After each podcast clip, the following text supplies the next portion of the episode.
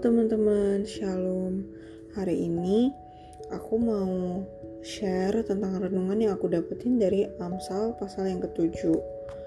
Nah, di sini tuh aku bacain ya. Amsal pasal yang ketujuh. Hai anakku, berpeganglah pada perkataanku dan simpanlah perintahku dalam hatimu. Berpeganglah pada perintahku dan engkau akan hidup. Simpanlah ajaranku seperti biji matamu Tambatkanlah semuanya itu pada jarimu, dan tulislah itu pada loh hatimu.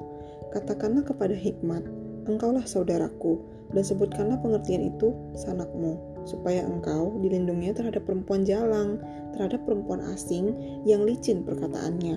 Karena ketika suatu waktu aku melihat-lihat dari kisi-kisiku, dari jendela rumahku, kulihat di antara yang tak berpengalaman, kudapati di antara anak-anak muda seorang teruna yang tidak berakal budi yang menyeberang dekat sudut jalan lalu melangkah menuju rumah perempuan semacam itu. Pada waktu senja, pada petang hari, di malam yang gelap. Maka datanglah menyongsong dia seorang perempuan berpakaian sundal dengan hati licik, cerewet, dan lihat perempuan ini. Kakinya tak dapat tenang di rumah. Sebentar ia di jalan dan sebentar di lapangan. Dekat setiap tikungan ia menghadang. Lalu dipegangilah orang teruna itu dan diciumnya dengan muka tanpa malu, berkatalah ia kepadanya, Aku harus mempersembahkan korban keselamatan, dan pada hari ini telah kubayar nazarku itu. Itulah sebabnya aku keluar menyongsong engkau untuk mencari engkau, dan sekarang kudapatkan engkau. Telah kubentangkan permadani di atas tempat tidurku, kain lenan beraneka warna dari Mesir. Pembaringanku telah kutaburi dengan mur, gaharu, dan kayu manis. Marilah kita memuaskan berahi hingga pagi hari, dan bersama-sama menikmati asmara. Karena suamiku tidak di rumah, ia sedang dalam perjalanan jauh. Sekantong uang dibawanya, ia baru pulang menjelang bulan purnama. Ia merayu orang muda itu dengan berbagai-bagai bujukan, dengan, kelin, dengan kelicinan bibir ia menggodanya. Maka tiba-tiba orang muda itu mengikuti dia seperti lembu yang dibawa ke pejagalan dan seperti orang bodoh yang terbelenggu untuk dihukum. Sampai anak panah menembus hatinya seperti burung dengan cepat menuju perangkap dengan tidak sadar bahwa hidupnya terancam. Oleh sebab itu, hai anak-anak, dengarkanlah aku, perhatikanlah perkataan mulutku, jagalah, janganlah hatimu membelok ke jalan-jalan perempuan itu, dan janganlah menyesatkan dirimu di jalan-jalannya, karena banyaklah orang yang gugur ditewaskannya, sangat besarlah jumlah orang yang dibunuhnya. Rumahnya adalah jalan ke dunia orang mati yang menurun ke ruangan-ruangan maut. Nah, apa sih yang aku dapetin pada renungan hari ini? Jadi kalau bisa aku kasih judul ya renungan ini tuh uh, judulnya uh, apa ya rayuan dan uh, tipuan kali ya rayuan dan tipuan. Jadi uh, nasihat ini baik banget ya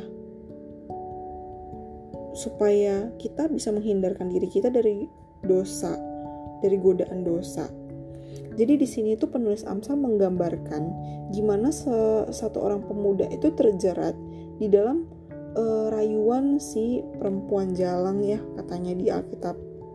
Nah, pemuda yang nggak nggak berpengalaman ini dan nggak berakal budi ini, dia itu cuma nyebrang jalan dan melangkah dekat rumah perempuan itu di ayat yang ke-8. Nah, menyeberang dan melangkah dekat. Menyeberang dan melangkah dekat nggak bahaya dong, nggak dosa dong. Tapi inilah gambaran gimana banyak orang tuh jatuh ke dalam dosa. Karena dia tidak berjaga-jaga. Bukannya berjalan jauh dia udah tahu itu rumah perempuan jalang ya perempuan semacam itu di Alkitab katakan. Bukannya menjauh tapi justru dia dekat-dekat dengan hal yang bisa bawa dia ke dalam godaan gitu loh. Jadi poin yang pertama dosa itu bisa diawal dari sesuatu yang nggak uh, salah. Yang tampaknya nggak bahaya ya nggak salah. Tapi ternyata itu adalah godaan daripada dosa. Nah, kemudian di ayat berikutnya yaitu di ayat yang ke uh, 10 terus dikatakan bahwa maka datanglah menyongsong dia seorang perempuan itu berpakaian sundal dengan hati licik, cerewet dan lihat perempuan ini kakinya tidak dapat tenang di rumah. Sebentar ia di jalan dan sebentar di lapangan. Dekat setiap tikungan dia menghadang. Nah, seperti godaan dosa juga ya.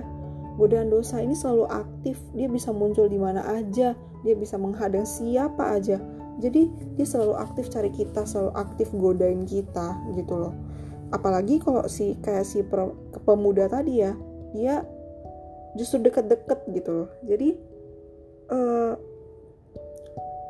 Amsal ini mau katakan kalau dosa itu selalu ada di mana aja, kapan aja, ya nggak dapat tenang di rumah. Sebentar ia di jalan sebentar di lapangan dekat setiap tikungan dia menghadang. Mau mengatakan kalau selalu aktif dosa godaan dosa ini. Cari kita dan goda kita. Jadi kita harus tetap berjaga-jaga kayak gitu ya nah terus di ayat yang selanjutnya ayat yang ke-14 Aku harus mempersembahkan korban keselamatan, dan pada hari ini telah kubayar nazarku itu. Itu sebabnya aku keluar menyongsong engkau untuk mencari engkau dan sekarang kudapatkan engkau. Wah, rohani sekali ya godaan dosa ini ya.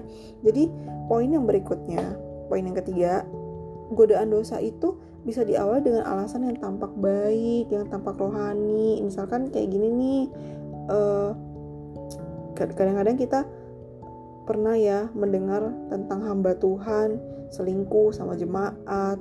Alasannya tuh rohani banget karena uh, sering konseling gitu akhirnya jadi kayak jatuh cinta ya sama aja kayak godaan dosa tadi di awal dengan alasan yang baik yang rohani ini loh aku bayar nazarku uh, aku persembahan korban keselamatan loh aku bayar nazarku makanya aku keluar menyongsong engkau untuk mencari engkau sekarang aku dapetin engkau wah rohani sekali jadi uh, poin yang ketiga tadi itu dosa itu bisa dimulai dengan alasan yang seolah baik sih. Jadi kita harus tetap berhati-hati dan berjaga-jaga. Nah, kemudian yang selanjutnya di ayat yang ke-19 kita lihat ya. Karena suamiku nggak ada di rumah, ia sedang dalam perjalanan jauh. Sekantong uang dibawanya, ia baru pulang menjelang bulan purnama. Nah, poin yang keempat ini adalah godaan dosa yang selanjutnya ya. Iblis selalu katakan kalau dosa itu nggak ada resikonya. Nah, suamiku tuh nggak ada di rumah loh, dia bilang dia perjalanan jauh lama pulangnya gitu jadi kayak seolah-olah nggak ada yang bakal tahu si pemuda itu tidur sama si perempuan jalang ini nggak ada yang tahu ke uh, apa resiko daripada mereka berhubungan gitu ya. Tapi uh, ya itu intinya itu ya yang poin yang keempat. Godaan dosa yang selanjutnya iblis itu selalu katakan kalau dosa itu nggak ada resikonya.